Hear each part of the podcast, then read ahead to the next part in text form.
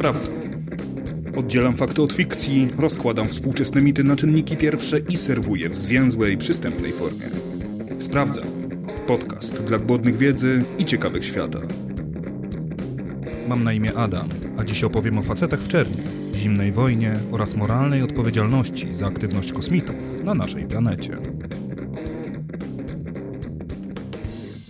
W 1947 roku, krótko po katastrofie w Roswell, która doczekała się ponad 60 lat później, odcinka w pewnym sceptycznym polskim podcaście, zostaje zawiązana grupa Majestic 12, złożona z 12 najbardziej wpływowych ludzi amerykańskiego wywiadu, wojska i służb specjalnych.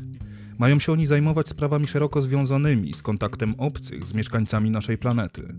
Majestic 12 to jeden z fundamentów folkloru ufologicznego i przebił się do popkultury, inspirując twórców nieśmiertelnego archiwum Mix czy facetów w czerni. Ile w tym prawdy? Sprawdzam. Jamie Shandera, pisarz i badacz zjawisk niewyjaśnionych, w grudniu 1984 roku znajduje pod swoimi drzwiami kopertę z 35 mm kliszą. Na kopercie nie ma adresu nadawcy, jedynie pieczęć pocztowa wskazuje na Albuquerque w Nowym Meksyku. Shandera kontaktuje się z innym ufologiem, Billem Moore, i wywołują film.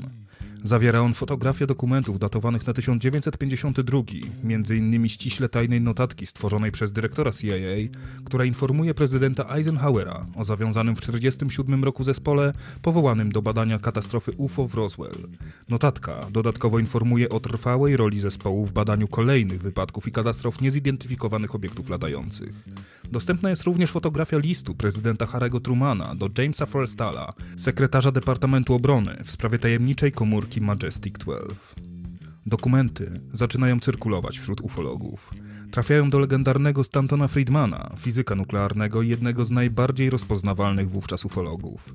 Co ciekawe, podwaliny dwudziestowiecznej ufologii sprowadzają się tak naprawdę do zaledwie kilku powtarzających się nazwisk, więc jeśli pamiętasz moje odcinki dotyczące Roswell lub porwania Hillów, możesz się spodziewać, że na arenę w pewnym momencie musi wejść Philip J. Klass, który chodził za Friedmanem i sprzątał wszystkie półprawdy i niedomówienia, które ten wyprodukował swoim nadmiernym optymizmem.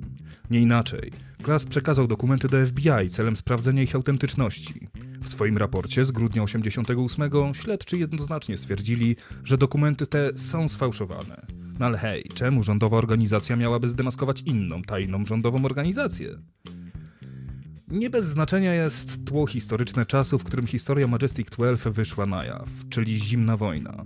Badacze niewyjaśnionych obiektów na niebie mogliby zrobić swojemu krajowi niedźwiedzią przysługę, chwytając tajny samolot szpiegowski na rolce swojego aparatu i bezmyślnie publikując zdjęcie.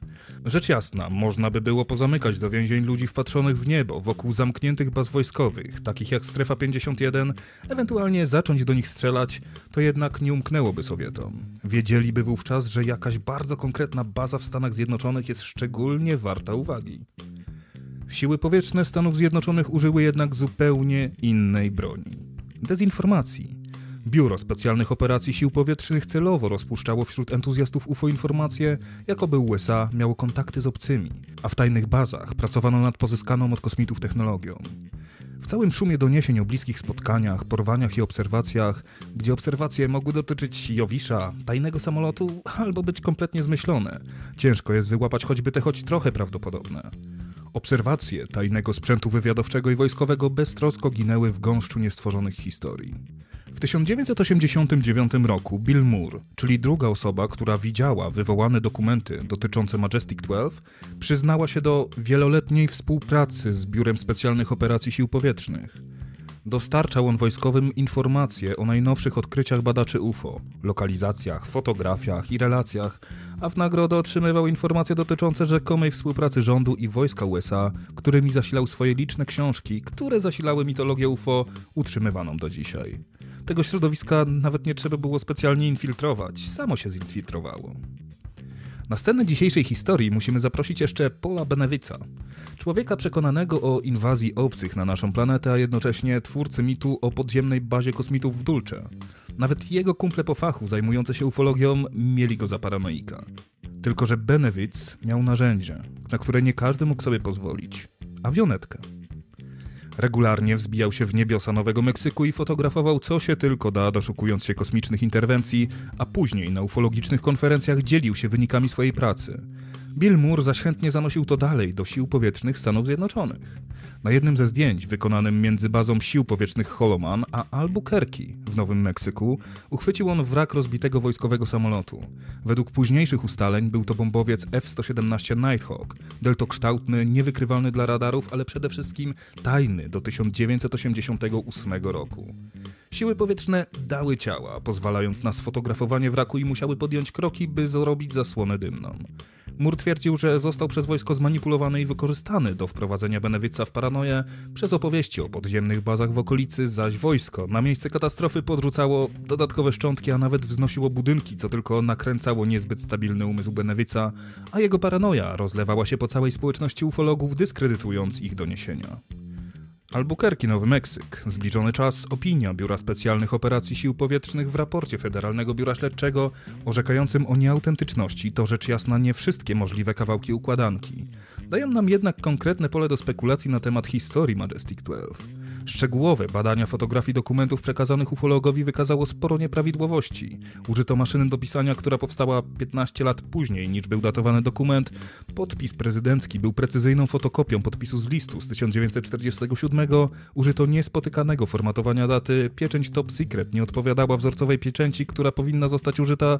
Podobnie oznaczenie stron i informacje o zakazie kopiowania nie odpowiadały oficjalnym wzorcom. Używano słownictwa charakterystycznego najwcześniej dla lat 60., 70 a to tylko kilka wybranych błędów, które popełniono. Tylko, że nie oszukujmy się, skąd ci biedni ufolodzy mogli wiedzieć jako cywile, jak taki dokument powinien wyglądać? Nie broni. Filip Klas jakoś mógł to zanieść do FBI i zweryfikować, a oni po prostu chcieli wierzyć.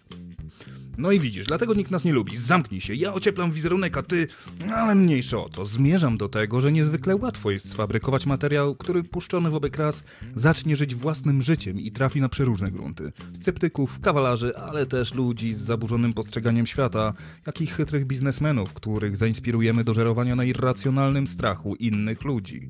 Wojsko amerykańskie osiągnęło swój cel i zrobiło z niestworzonych historii zasłonę dymną dla swoich programów technologicznych. Dzięki tej dezinformacji powstało również mnóstwo świetnego science fiction, a Roswell położone pośrodku niczego czerpie niezłe zyski z turystyki. Nie wiemy jednak, jaki był tego koszt i ilu ludzi postradało zmysły, potraciło rodziny, pozycję w społeczeństwie i zdrowy rozsądek w pogoni za małymi, zielonymi ludzikami.